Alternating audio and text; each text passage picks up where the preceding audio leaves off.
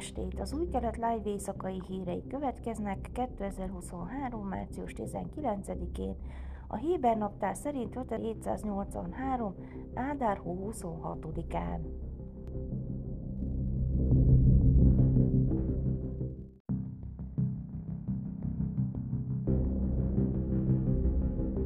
Rendőrség szombaton összecsapott egy kelet-jeruzsálemi negyed palesztin lakosaival, miközben közlekedési balesetről szóló bejelentésekre reagált. Az erők tájékoztatása szerint a Jabal Mukaberi baleset helyszínére érkező rendőröket kövekkel és egyéb tárgyakkal dobálták meg. Egy kő arcon talált egy rendőrt és kórházi kezelésre szorult.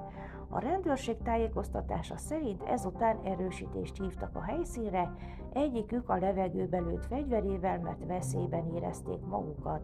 A rendőröktől megoszlató eszközöket vetettek be, tette hozzá a rendőrség. Három gyanúsítottat őrizetbe vettek garázdaság és hivatalos személy elleni támadás gyanújával. A videók szerint egy rendőr megüti az egyik megbilincselt gyanúsítottat, a rendőrség viszont nem kommentálta az ügyet. A védelmi erők tájékoztatása szerint a sérült tisztel együtt a balesetben megsérült motorost is kórházba szállították.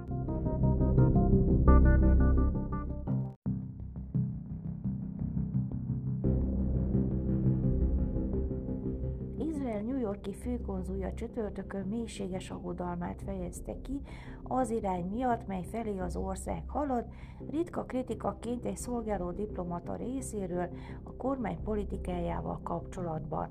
Mélyen agaszt az irány, mely felé az ország tart, mondta Assaf Zamir egy éves adománygyűjtő gála vacsorán. A nemzeti otthont akarsz, és azt akarod, hogy mindenki otthona legyen, annak demokratikusnak kell lennie. Zamir zárt körű rendezvényen elmondott beszédéről a Vala híroldal számolt be először. Zamir 2021. augusztusa óta szolgál New Yorkban, miután Jair Lapid akkori külügyminiszter kinevezte a posztra. Előtte majdnem egy évtizedet töltött a politikában, főként Tel Aviv alpolgármestereként, de 2019-ben csatlakozott Benny Gantz kék-fehér pártjához, majd turisztikai miniszterként dolgozott a rövid életű Benjamin Netanyahu Likud vezér vezette egységkormány alatt.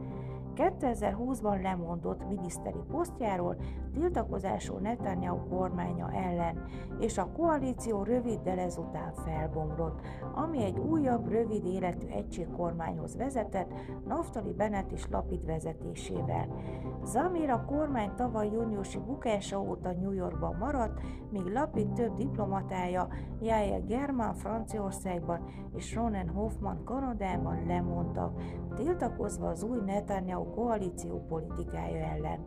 A New Yorki főkonzul csütörtöki megjegyzései arra utaltak, hogy Zamir is ebbe az irányba tarthat. Nagyon drámai időszakok vannak az életünkben, és a drámai időszakokkal az a helyzet, hogy nem mindig tudod, hogy benne vagy, amikor megtörténnek. És valahogy úgy érzem, hogy most egy nagyon drámai időszakot élünk, mondta az ünnepi vacsorán. Az elmúlt 18 hónapban New Yorkban Izraelt képviselem. Néha vannak dolgok, amikkel egyetértek, néha pedig olyanok, amelyekkel nem. Ez hozzá tartozik a diplomata léthez, ez hozzá tartozik az izraeli léthez. Néha könnyebb, néha nehezebb mondta, mielőtt jelezte, hogy a munka sokkal nehezebbé vált számára az elmúlt hetekben.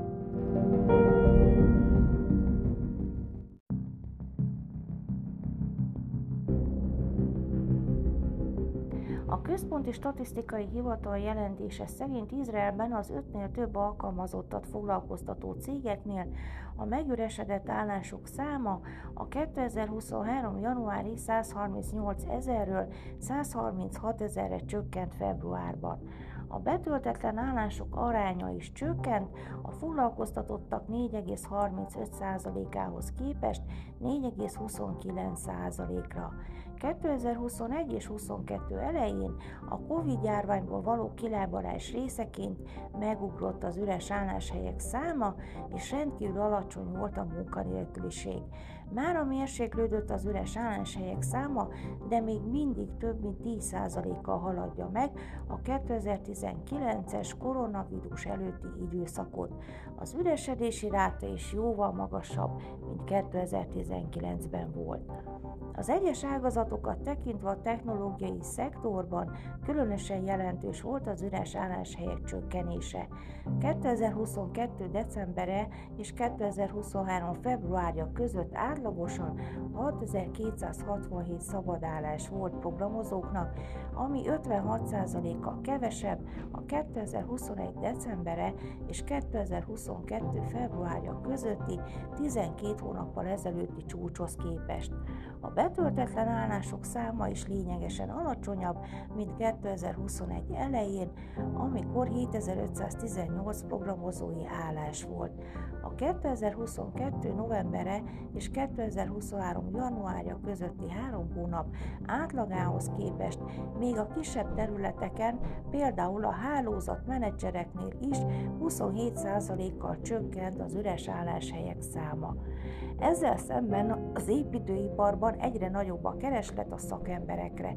A burkoló, kőfaragó és földmérő szakmáknál a korábbi becsléshez képest 10%-kal nőtt a betöltetlen állások száma, és hasonló helyzetben vannak a lakásépítkezések is, ahol 15%-os növekedést regisztráltak a korábbi becsléshez képest.